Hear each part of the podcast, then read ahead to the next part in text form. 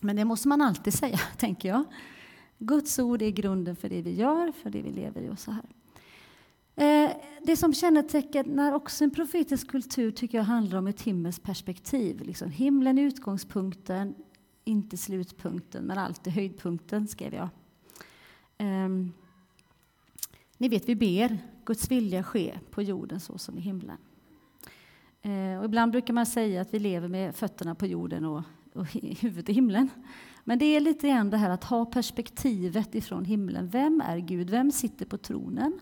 Så när vi kommer i de här svårigheterna eller situationerna när vi ska be för människor och vi känner att nu blir det svårt. Här ser jag ett problem. Jag vet inte hur jag ska lösa detta. Jag vet inte hur jag ska formulera mig. Jag känner mig liten eller allt det här. Så ändå på något sätt veta det här perspektivet att det är Guds ande som, som, har, som jag är fylld av. Det är Gud som har utrustat mig för det här. Jag får agera i tro och lydnad. Liksom. Eh, ja, det är inte bara någonting vi ser fram emot, utan vi lever i liksom en himmelsk... Ibland, ibland brukar jag säga att vi lever aligned with heaven, men det här, vi, är liksom, vi är i linje med det som, som Gud vill. Vi behöver inte tveka om Guds vilja, eller hur? På många punkter är den helt uppenbar, därför att vi vet hur det är i himlen. Där finns ingen sjukdom, där finns ingen död, där finns ingen sorg, där finns ingen nöd. Allt upp där. Så när vi möter det, där finns inget mörker, det finns ingen depression. Så när vi möter det eh, i våra liv och när vi träffar människor och vi, vi skulle vilja be för dem, så vet vi vad Faderns vilja är. Vi vet också att Faderns vilja alltid inte sker, men vi behöver inte tveka på vad Faderns vilja är. Håller ni med mig? Mm. Det måste ni ju inte göra. det känns bättre för mig, men, men det förstår jag. Ja. Eh, nu kanske jag inte gjorde rätt längre. Nu tog det slut här. Jag kanske ska rikta mig dit. Han kanske hjälper mig där bak istället. Eller så har det bara låst sig. Du löser det. Eh,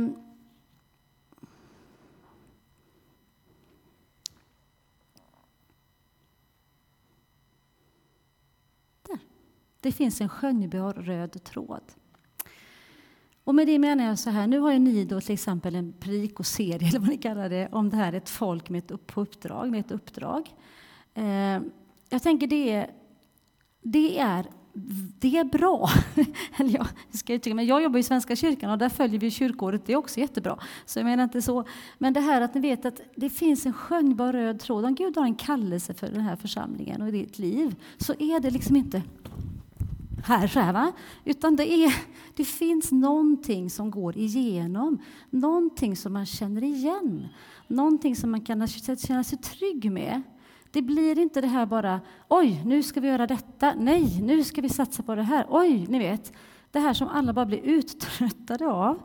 Eh, även om man, idéerna kan flöda och så, så tänker jag att det finns en skönjbar röd tråd, för Gud har talat.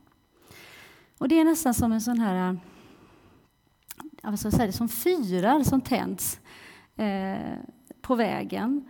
Att Gud har tänt sådana tidigare, man kan, man kan liksom rikta sig efter dem. Men också titta framåt och vad är nästa sån här linje som vi kan sträcka oss efter.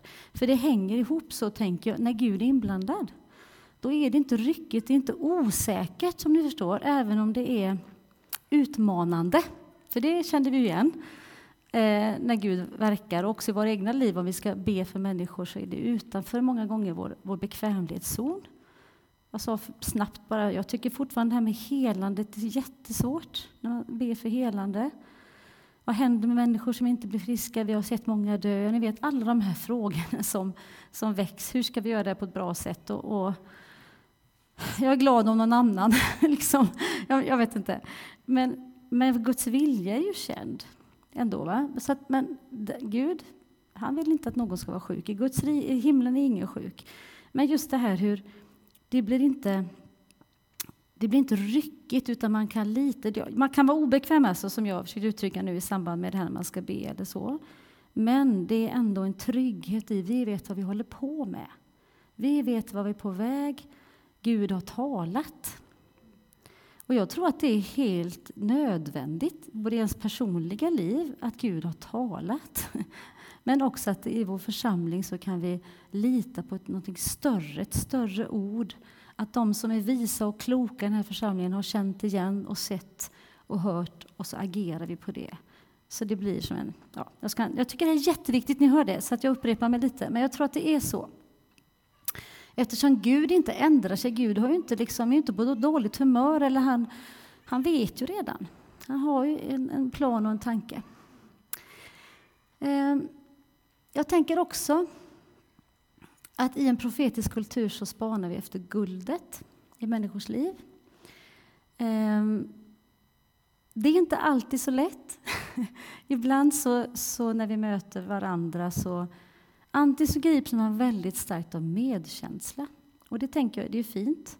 Och som förebedjare, när vi pratar om som är i förbönstjänst, eller oavsett vem av oss som, som möter människor, så, så känner vi kanske starkt för människor. Men vi kan bli så överväldigade av deras smärta eller sorg. Så det är svårt att se förbi. Liksom. Och så ser man bara att den här människan är, är i en så svår situation och jag älskar den, jag känner med den. Men det är svårt att kalla fram. Eller, förstår ni hur jag tänker? Det är svårt att igenkänna hur ska det här gå till. Liksom? Finns det någon? Och vi vet ju samtidigt att Gud liksom, han har nycklar och han vill gripa in.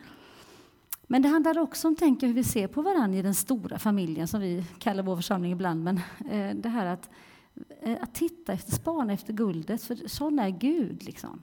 Han, han ser potentialen, han ser det som är nedlagt i våra liv. Eh, och det är det som förlöses och kommer fram och kommer i funktion eh, i en miljö där man känner sig trygg, älskad och som, tänker jag, lever i Guds vilja. Så se guldet är en sån här sak som är så viktigt. Oj. Vad är det mer som kännetecknar en profetisk kultur? Jag tror att det har med kreativitet och frihet att göra. Därför att eh, när, när edslinjen är uppdragen, den röda tråden är klar, när var och en förstår att jag får vara som jag är och Gud använder mig i mitt naturliga jag, så som jag tänker och fungerar, men jag förstår att jag också är bärare utav gudomlig natur, men att det här uppståndelsens kraft, då flödar friheten och kreativiteten. Ni vet, eh, barn är ju vansinnigt kreativa. Jag hörde någon undersökning, men jag har naturligtvis glömt det, för jag kommer aldrig ihåg sånt här, men jag lyssnade på P1 någonting. Eh, och de hade gjort någon undersökning, naturligtvis inte i Sverige, det var säkert USA, och där man, där man hade testat det här med femåringars kreativitet och hur de liksom löste saker. Och så, och så hade man följt de här femåringarna eh, genom livet upp tills de var 15 år, tror jag. Och, den, och liksom hur, den, hur den bara smalnades av, den här kreativiteten, lösnings... Eh, att man jo, hittade lösningar på problem eh, och gjorde kreativa saker, inte bara, alltså, inte bara målade här, utan ni vet, kreativa lösningar. Därför att man på något sätt gjorde det som förväntades av en. Man föll in i, i rollen och ramen som, som fanns, eller som finns. Eh, i, I en miljö där vi, där vi lever, där vi uppskattar varandra och där Guds ord får råda eh, och vi lyssnar till vad han vill, så tänker jag att var och en blomstrar faktiskt. Och då blir det kreativt. Då är det många kreativa lösningar. Inte bara att vi målar och dansar, men utan på alla områden. Eh, den kan vi hoppa nu. Det är lätt att se och lätt att höra. Ni vet Matteus 10, där står det att den som tar emot er tar emot mig, den som tar emot en profet får en profets lön, säger Jesus. Ehm, en profets lön är ju detta att man ser och hör Gud. Man har lätt, lätt att känna igen, lätt att höra och se. Så i en profetisk kultur, så att säga, när det så är det lätt för alla att höra. Och jag ska absolut inte slå mig för bröstet på något sätt. Och vår församling är ingen perfekt församling och vi kämpar med alla våra svårigheter, verkligen. Men många kan säga att när man kommer till Lysekils kyrka så är det lätt att höra Gud. Och vi som är där varje gång tänker så här, jag vet inte om det är så lätt att höra Gud här. Men, men många av, av, som kommer från andra håll eller som kommer och ska medverka eller komma på en konferens eller så uttrycker det. Och det har ju ingenting med att vi är bra på något sätt att göra, utan jag tror att det är för att det finns en uppövad profetisk kultur, men jag säger så. Vi är vana, att vi vill försöka lyssna och göra det Gud har sagt. Det underlättar för andra, det förlöser någonting i helheten som, som alla behöver. Eh, och jag tänker när vi kommer till ens att, att be för människor och så, som det säkert redan gör då på alla möjliga sätt, så är ju egentligen det viktigaste i mötet med människa, förutom att respektera dem och se dem, så är det ju att, att följa Andens ledning. Och då behöver vi vara vän med honom, vi behöver vara vän med den där rösten, så att vi vet hur han, hur han talar till just oss. Ni vet. Eh, ja, aktiverad uppenbarelse lät ju fromt och fint, men det är egentligen samma sak. Eh, vi pratade lite kort, eh, Bella och jag, bara på maten om, om drömmar, eller jättekort förbifarten. Eh, det här hur i en profetisk kultur så är det lätt också att nya sätt för Gud att tala framträder. Och jag tänker ibland att vi tror att vi har nått vår fulla potential. Eh, jag vet inte hur ni, alltså som personer. Det här ni vet att ja, men jag, när Gud talar så hör jag så här. Jag vet ju hur jag uppfattar Guds röst. Och ibland har man ju rätt och ibland har man ju fel, men man, ofta det, man, man lär sig med tiden. Men ändå det här och så, det var någon gång som Gud sa till mig, för jag tyckte för några år sedan att nu hade jag liksom nått min fulla potential. Och det betyder ju inte att det var så himla bra. Men jag kände, vet, jag har vuxit i min, min roll. Alltså nu, Gud låter mig få växa till den här punkten ungefär. Och nu har jag, jag får vara nöjd med det. Det funkar, liksom, funkar väl. Och då var det bara som man skakade på huvudet och sa, men Linus lägg av. Liksom. Tror du att det tar stopp här? Finns det inte mer? Skulle inte jag kunna tala på fler sätt? Skulle inte jag kunna leda på nya sätt? Skulle inte du kunna tala i tungor på fler språk? Varför skulle det ta slut? Ja, men ni vet. Men, men det är så rätt att tänka att jo, jo, men jag får ju vara nöjd här. Ja, det, så här. Eh, jag tänker att, att eh, Gud hela tiden uppenbarar sig på nya sätt. Och det är inga nya sidor hos Gud, för det är samma Gud. Men det är olika säsonger som han eh, betonar olika saker i en församlingsliv eller våra liv och att vara i den säsongen som han vill. Det är lätt att säga det, men det är ganska utmanande i ett församlingsliv. Eh, att, att, att inte stå och bulta på fel dörr, om jag säger så, utan gå in genom den dörren som faktiskt är öppen nu. Ehm, lättare att säga än att göra, men ändå. Men när Gud uppenbarar sig på allt fler sätt, tänker jag, i en miljö där vi är villiga att följa hans röst. Smörjer till tjänst har jag väl egentligen berört då. Ehm, det är ju profetens uppgift i Gamla testamentet så tydligt. Men eh, eftersom det inte bara handlar om att en, en profet lägger handen på någon och kallar fram någonting så tänker jag igen att det är, är mer en smörjelse. Det är så fina ord här, men ni vet, vi, ju, vi använder de här orden och de är ju bibliska, så det är ju inte det. Men det är som att eh, i en välsmord församling så, att säga, så, eh, så framträder tjänsterna och gåvorna tydligare. Eh, och de förlöser, skulle jag vilja säga också. Den är fridfull. Peace is the potting soil for revelation. Det har inte jag kommit på.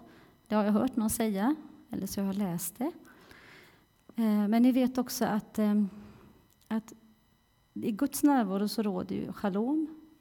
Allt är precis som det ska vara. Inför tronen så är det ett glashav som ligger liksom bara stilla så här. Eh, vi hörde om Jesus stilla stormen. här. Han, han, han total frid i båten. Liksom ingen oro i Jesu hjärta. Eh, och i en, en församling som som lyssnar till Gud, där Guds ord är närvarande, då är Guds ande närvarande. Gud är alltid närvarande naturligtvis, men konkret närvarande så blir det också en, ett shalom. Det blir så som det skulle vara. Och där är det ännu mer utav uppenbarelse. När inte stressen, eller oron eller bekymren tar över handen. Eh, och jag tänker många gånger då, om jag blandar in det här med att vi ber för människor så tänker du en sak att be i kyrkan, så här. Då kan man ju be, för folk vet att de är i kyrkan. Det är svårare kanske om man ska be för någon någon annanstans. Och det är oftast där vi befinner oss. Vi befinner oss ju inte i kyrkan 24 timmar om dygnet, förhoppningsvis. Eh, utan vi, vi lever ju vårt vardagsliv. Eh, men jag tänker många gånger då när man enkelt ska betjäna någon, be för någon som har sagt att man har ett bekymmer eller att har ont, och man vågar ställa frågan får jag be? Eh, så tänker jag att många gånger så kan man bara väldigt enkelt förlösa Guds frid. Liksom. För den har vi fått, den frid som inte världen kan ge. Och så för att den människan ska, ska kunna ta emot helt enkelt. För ni vet, man stirrar orolig och så blir det, och vi blir också lite stirriga och oroliga, så är det ingen bra, det är ingen bra miljö för att, för att undret ska ske. Så att säga. Men om vi kan bara få börja med att förlösa Guds frid eh, så finns också uppenbarelsen där. Gud talar, han kommer att leda bönen och människor kan ta emot. Om det sen är 20 sekunders bön pratar jag om nu, ni vet, när vi ber för människor i vår, i vår vardag, så är det ju sällan de långa förbundssessionerna, utan det är kanske i flykten, lite snabbt, och innan de andra kollegorna kommer in. Eller ni vet, man får liksom snabba sig lite, eller klasskamrat om man nu har det. Det är ingen här som har klasskamrater kanske, men, men i alla fall. Eh, så. Eh, ja, det här har jag pratat om idag. Mänsklig och inte överandlig, kött och blod. Jag tänker det är så otroligt viktigt. Eh, att vi är oss själva. Eh, och gör det så som vi är och möter människor så som vi är.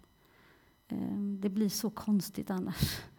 Eh, och vi blir inte bekväma, och oftast inte de heller. Och Gud förväntar sig inte någonting annat än att du ska vara dig själv. Eh, ja, vänta, jag tillbaka. Så. Jag gick lite fort här, va? Så. Hur gör man då? Och nu pratar jag församling här, så vi får väl skynda oss lite nu så vi inte fastnar här. Eh, igenkänn och erkänn den profetiska tjänsten utan att ge profeterna en plattform. Det är ett gott råd till församlingen. Ifrån mig. kan ni ha eller mista. Nej, men jag tänker att eh, det är viktigt att igenkänna och erkänna det som eh, man kan känna, det här har Gud talat till oss. Liksom. Eh, att eh, härbärgera de profeterna fast de kanske kan vara lite besvärliga. Jag vet inte om det, om det är tydligt för er. Så, men, men jag tänker ändå det här att, att lyssna till det som också ännu inte har skett. Det som människor kan se att vi är på väg in i, som jag tänker ligger i det profetiska och som de som har profetisk tjänst har kanske specifikt. Men att igenkänna den och erkänna den, men inte ge dem en plattform. För, för profeter, och nu ska vi inte prata om det idag, men kan ju gärna vilja bli bekräftade och gärna vilja resa sig upp och tala i alla sammanhang. Eller ni vet, har alltid något att säga. Eller kan vara lite kantstötta och besvärliga av olika skäl. Eh, så att plattformar pratar vi inte om här, utan vi pratar om att tjäna varandra. Men att erkänna dem, för att de är oftast ganska lite, känner sig ofta inte erkända många gånger. Och vi har ju haft många profetskolor i Lysekil och pratat om profetiska tjänsten mycket och så. ligger mig varmt om hjärtat, men många gånger så är det så många sargade människor som känner att de har fått stryk i sin församling, för de, de passar inte riktigt in och det är inte alltid de gör det och de är lite omogna och bär sig lite dumt åt och behöver få växa och mogna i en kärleksfull miljö. Men om vi då inte orkar med det riktigt så, ehm, så kanske de lämnar och vi förlorar igen den här lönen av att vi får hjälp att höra och se. Jag tänker det är jätteviktigt. Inte om det makes sense här, men att positionera sig eller dig utifrån vad Gud har sagt. Jag har egentligen pratat om den här röda tråden. Eh, och jag tänker också i våra personliga liv, när vi, när vi känner att vi vill växa med den helige Ande. Att få tjäna människor mer, att komma vidare i att våga och allt upp det här. Så tänker jag att de profetord som faktiskt är uttalade över dig och som man ännu inte har sett resultatet av. liksom, ta ändå de, ta liksom ändå de stegen så att säga, i den riktningen. Eh, jag bara tänkte på ett bibelord där som ni också har läst många gånger säkert. Eh, I Timoteusbrevet, första Timoteusbrevet 4. Så, så, är det ju, eh, så är det ju Timoteus som, eh, brevet till Timoteus, Paulus som skriver ehm, Försumma inte nådegåvan i dig, den som du fick genom profetord. när de äldste la händerna på dig. Tänk på detta, lev i detta, så att alla kan se dina framsteg. Och ibland tänker jag när vi försöker hålla oss till det profetiska ordet och, och kallelse och vi ska göra för Gud och allt, så är det så lätt att vi någon, liksom vi samlar dem någonstans i någon bok, kanske de där orden, eller vi, vi suger på och förväntar oss på att det ska hända någon gång. Men det finns någonting i att leva i det, att göra, möjliggöra detta. Om Gud har talat, nu tar ett enkelt exempel då, med, med helande, om någon, om någon har profeterat över Linda, Linda Frida, om att hon har en helandes gåva, och hon ser inte alls det i sitt liv så kan man ju vänta på att den, det ska liksom komma i funktion någon gång. Eller så får man ställa sig till förfogande och leva i det. Sträcka sig efter det, be. Be för alla sjuka hon träffar. Eller så många hon vågar be för. Var med i en förbönstjänst kanske. Alltså sträcka sig, positionera sig utifrån det här har Gud talat in i mitt liv. Och inte då utifrån vad någon har eh, talat som en spådom över ens liv. För så kan ibland profetia ha använts, ni vet. Jag pratar inte alls om det. Utan det här som bekräftar och är någon typ av igenkänning någonstans i oss. Där vi känner att det här, det här slår ändå an någonting, fast jag ser det ännu inte riktigt i funktion. Att få positionera sig. Och jag tänker också då som församling. Eh, att, att ta fäste i de här, i vad Gud har talat. Det här tycker jag är nästan det viktigaste. Uppmuntra, uppmuntra, uppmuntra, uppmuntra, uppmuntra. därför att jag tänker, det ligger så nära det profetiska också, därför att oftast handlar den profetiska gåvan handlar nästan enbart om att uppmuntra. Bekräfta, uppmuntra, dela det som, som Gud ser som, är, som uppmuntrar till uppbyggelse och tröst. Så jag tänker den här kulturen av att, att våga ta plats, att alla får, alla kan som vi säger många gånger i kyrkan, att det är inte bara Jonathan eller bara någon jätteklok äldste eller hur det nu är.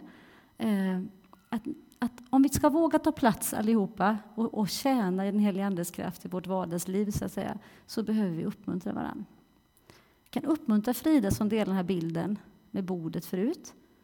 Jag har redan fått tre bekräftelser från tre personer kring den till exempel. Då kan man uppmuntra. Liksom. Det var, du, var, du var nog rätt ute där. Nej. Och, och det kan, vi kan uppmuntra de personerna som det tilltalet kom till. så att säga. Att for, du, fortsätter det här som du känner dig bekräftad i. Vi kan, uppmuntra, vi kan uppmuntra på andra sätt. Man kan uppmuntra någon för att han har en fin klänning. Det, det är också viktigt. Det behöver inte bli så fromt om ni förstår. Jag tänker all all profetisk kultur som är fylld av uppmuntran så handlar det om den uppmuntran Gud ger. Eh, det han ser, alltså det här som är det andliga om jag säger så. Men det är också en uppmuntran av tack för soppan, vad gott ni jobbar i köket. Tack för idag, liksom. eller vad fin du är, eller har du nya glasögon? Man lägger märke till, uppmuntrar. Det är väldigt enkelt. Och jag har en eh, kollega som är, eh, vi är två verksamhetsledare i vår församling. För, vars, han har för tre församlingar, jag för två. Det är ju helt omöjligt uppdrag, men så ser det ut. Han går en kyrkoherdekurs, för han är ju präst då, så han, då ska han lära sig. Och jag är, ju inte, jag är inte präst, jag får inte gå den kursen. Men då har de haft en hel bok om att man ska uppmuntra, uppmuntra sina medarbetare. Eh, då tänker jag, ja, det, man kanske måste gå en kurs för det, läsa en bok om det, inte vet jag. Men, men så viktigt det är. Och ni vet ju hur Gud är. Han uppmuntrar oss ständigt, liksom. alltid, och bekräftar. Well done. Liksom. Gött! Jag såg ditt försök. Liksom. Kom igen. Eh, ja, ni vet. Undervisa och träna. Det är kanske mer det här kollektiva, men är det så att vi har ett tilltal från Gud och en linje, en röd tråd som vi, som vi agerar utifrån så behöver vi hela tiden undervisa och träna i den riktningen. Och träna och träna kan aldrig... Alltså undervisa tror vi är väldigt bra på, för vi, vi har i kyrkan, som sagt, ni har ju hört många predikningar, och jag en hel del också. Jag blev kristen när jag var 13. Och på den tiden när jag var, jag var i Bäve kyrka i Uddevalla, jag vet inte om ni vet vad det är, men härlig församling. Då var det gudstjänst klockan halv tio på morgonen, bara en sån sak. och sen var vi där klockan åtta, några såna här entusiastiska ungdomar för att be. Eh, det hade vi lärt oss av Bengt Pleijel på Å, att man skulle be innan gudstjänsten. Det var fantastiskt. Och sen så gick, var man i kyrkan då, eh, och sen så gick man hem och sen klockan 18 var det aftonsång. Och det var ju inte sång, det trodde jag när jag blev kristen, utan det var ju predikan i 45 minuter, så här, undervisning. Fantastiskt, jag satt där varenda söndag, för då var jag så hungrig, ni vet. Hungrig på att lära mig, hungrig på Gud. Men det här, ni vet, predikan, vi får mycket undervisning och det är bra. Vi behöver det. Gud behöver hela tiden igen bara påminna om och, och saker också uppenbaras i ett nytt ljus. Som vi, har, som vi har hört förut och sett förut, men igen får det en bekräftelse i den säsongen som vi är nu. Liksom. Men också att få träna. Som med allting annat, att få hela tiden vara en församling där vi tillåter oss att tränas också. Att vara teachable, det finns inget bra ord på svenska riktigt. Läraktig, det blir liksom inte... Men eh, att hela tiden få... Och inte bara då låta Gud få forma en, utan församlingen, de andra. Eh, och, att få, och att få hela tiden också, som jag sa förut, inte slå huvudet i väggen och tänka att jag är fullärd. Utan det finns hela tiden mer att få lära sig om hur en Gud är och eh, om den tid som är nu. Och hur ska vi göra nu? Ja. Organisera levittjänsten hoppar vi över, gör vi inte, men det är ju lovsången. Det är ju det viktigaste av allt. Men nu ska vi inte handla om lovsång idag, så att vi lämnar det. Nej, men det här, jag tror att det är, igen, tillbedjan är ju, eh, den, ja, vi vet ju det i himlen. Och eh, att jobba med det, att, att inte bara låta det bli som det blir, utan medvetet eh, ge plats för tillbedjan, som ni redan ju gör. Att andas förväntan.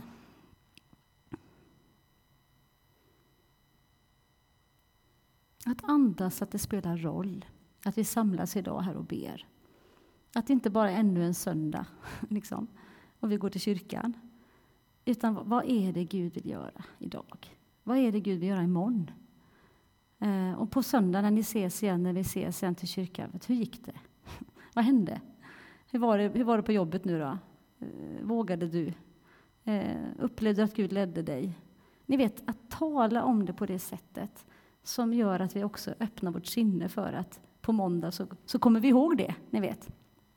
Att det som vi sår ut faktiskt bär frukt. Ibland kan man känna, i, kanske i sitt liv själv, att jag läser min bibel, jag ber, jag ber och gör det jag ska. Men händer det något? Liksom? Eller i församlingen, vi håller på med det vi ska, vi, gör det, vi har de rätta verktygen. Händer det något? Det är klart att det gör. Det är klart att det gör.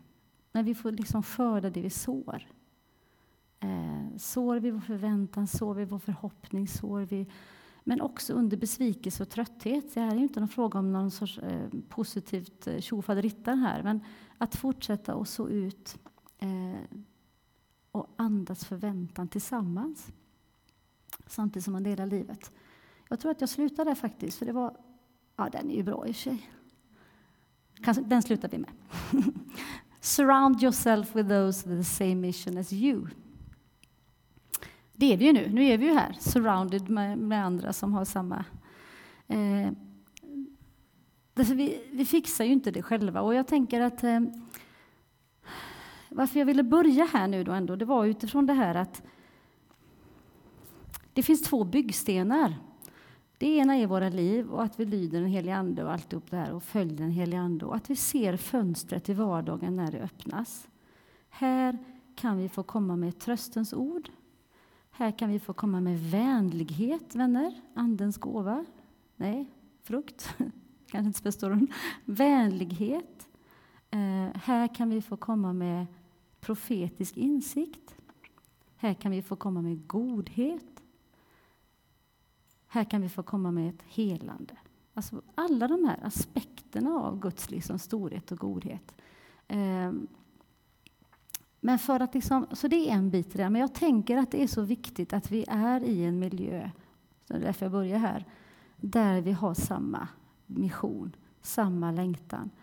Eh, och jag tänker det är därför det är så fint att ni har haft det temat nu, ett, en, ett folk med uppdrag.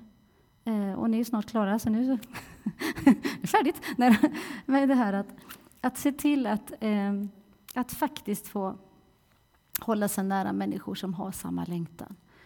Därför livet är livet och det drabbar oss eh, på olika sätt. Personliga förluster, svårigheter, oro, ekonomiska bekymmer, strul i familjen, barn som inte följer Jesus. Ni vet allt, allt, allt, allt det här som man bär i sitt liv och som händer, antar jag, de flesta. Eh, då behöver vi också så här, de andra lejonen som faktiskt är en bra bild av vilka vi är. Eh, för att liksom ha den här riktningen och eh, både trösta och uppmuntra varandra men också liksom ändå också uppmuntra det som är guldet som är nedlagt i våra liv. Eh, kalla fram liksom det här som, ja men du vet ju. Du vet ju. Fortsätt på den linjen liksom. Ja. Eh, då var det det här med att be för andra. Och jag vet inte om du kom fram till Jonathan också, Frida med, så ska vi se om vi hjälpas åt lite, för lite sådär vad vi, vi vill landa i här nu. eh, några av er här är kanske med i någon typ av förbönstjänst eller så, eller? Kan man få en handuppräckning på det? Eller, ja. ja. Eh, och ni har ju naturligtvis dagar då ni pratar om det hur man gör och hur man inte gör och sådär. Men, men jag tänker att det finns lite enkla nycklar och ni får fylla i nu tänker jag. Vi hjälps åt lite här. Eh, och ni får gärna komma med frågor och synpunkter här sen. För nu ska jag snart sluta prata. Säger jag bara och så fortsätter jag. Men jag, snart, snart så. Eh, grundpelare i allt möte med människor är att se människor för dem de är. Respektera människor. Eh, och en bit av det, tror jag, det har jag sagt nu många gånger idag, men det är att vara sig själv och vara naturlig. Därför då blir de flesta människor ganska bekväma och de känner sig inte som ett objekt. Ska jag be för dig? Liksom. Thomas, jag, jag, tror att jag måste be för dig nu. Nej, men det blir jättekonstigt. Men du vet, det här att, att se på en människa med respekt. Eh, och i, då handlar det ju väldigt mycket om att lyssna till vad de egentligen säger. För ibland, och det kanske jag tänker lite specifikt när man är i förbönstjänst. då, men ibland är vi så ivriga i förbönstjänst att vi ska börja be, för vi liksom, ni vet så här. Så när vi väl börjar be för någon som har berättat hur någonting är, så ber vi om någonting helt annat. Jag vet inte om ni känner igen det? Men vi får en känsla av att här får vi komma med lite tjoff, vad det nu är. Nu, nu vill Gud göra det här. Det tror jag är bra. Håll kvar den tanken. Men, ett exempel. Vi, konfirmander kommer ofta till förbön när de väl börjar smyga sig fram hos oss. Eh, och då kommer de ju sällan med ett eget behov, utan de säger ofta så här, jag vill att du ber för min mormor. eller hur? Eller, eller någon kommer och säger, jag vill att ni ber för mina barn. Och det, då, det är ju någonting med det som, som är deras längtan eller bön. Ofta är det en förevändning. Ni förstår vad jag menar? Inte alltid, men ofta. Då kan inte jag tänka så här, nej men jag förstår ju att de vill någonting helt annat, de vill bli mötta av Gud och nu börjar jag be om helig ande här. Det får vi också göra. Men för att respektera en människa som vi möter så behöver vi lyssna till det behovet de har uttryckt. Annars känner man sig helt överkörd, tänker jag. Så är det mormor vi ska be för, då ber vi för mormor först. Liksom. Så att det blir gjort. Ja. Sen kan vi ha lyssnat till den här rösten då. Vad är det den här människan längtar efter mer? Vad är det du, Gud, vill möta den här människan med? Eh, då kan vi be vidare, ni vet. Men man kan inte liksom hoppa över det här behovet som man kommer för. Och även om det är en smärta, och vi märker när vi börjar be för smärtan att det finns någon annan orsak här. Gud kanske börjar tala om, kan det vara någonting som är problematiskt i relationen till din son? då kan vi ändå inte bara, utan vi får be för smärtan, men när Gud leder oss till så kan vi enkelt och väldigt respektfullt fråga. Jag bara tänker på det här med, har du barn? Liksom. Man kan ställa frågan så enkelt. Har du en son? Mm. Okej, okay. är det någonting där som, som vi ska be för eller som du tycker är kämpigt nu? Ja, ni vet, vi respekterar människor, eh, men vi leds av Anden när vi ber. Och det här tänker jag i kyrkan, eller om det är i vardagslivet. Det är enklare i kyrkan, eller hur? När vi ber för varandra här. Men det är ändå liksom eh, så. Det är nästan det första. Eh, sen tänker jag det andra, och det är John Wimber, som, eh, om ni kommer ihåg John Wimber. Några har upplevt honom också, eller mött honom. Som eh, ja, det spelar ingen roll, jag ska inte prata om honom. Men där han ändå, som betyder så mycket det här med, med, med att alla får, alla kan. Liksom alla, får med, alla får vara med och leka och spela. Det här är Guds rike för alla. Så menar det här att, att det som vi möter människor med i en förberedelsesituation, om de inte får det de har bett om, eller om inte där och då blir helade eller upplever att Gud har mött dem precis så som de ville, så ska de gå därifrån och veta att de är älskade av Gud. Alltid. Så det här att alltid på något sätt eh, förmedla Guds kärlek. Och det är ofta inte så svårt, för det är lätt att få medkänsla för någon när man ber. Man känner med någon och man kan känna Guds kärlek för en människa. Men aldrig det här ni vet att när man själv blir lite då om man, kanske, om man möter någon som man ber för som, som inte är frälst kanske och så har den ont i armbågen och så kanske man vågar ställa frågan då liksom får jag be kort och så ber man kort. och så blir man lite obekväm själv sen bara. Ja, okej, Ja, men vi ses väl då. Va? Den vet, man, man klarar inte riktigt ut situationen. Tänker så viktigt det är då att Nej men, ja, ja, ja, vi gjorde ett gott försök i alla fall. Eh, och Gud, Gud älskar verkligen dig, så vi, du ska se att det här kanske, det kanske är bättre imorgon, eller så ses vi igen. Alltså vi måste någonstans avsluta det där väl. Ni fattar ju hur jag menar. Men ibland blir jag eller vi lite osäkra i en sån här jag vet inte om ni känner igen det. Och så börjar man himla med ögonen. Men vi kan lita på att Gud har mött människor med sin kärlek. Även om det är en 30 sekunders bön. Eh, det behövs ofta lite längre tid, men ändå. Så respekt och kärlek. Eh, och ledd av Ande, men det har jag redan sagt.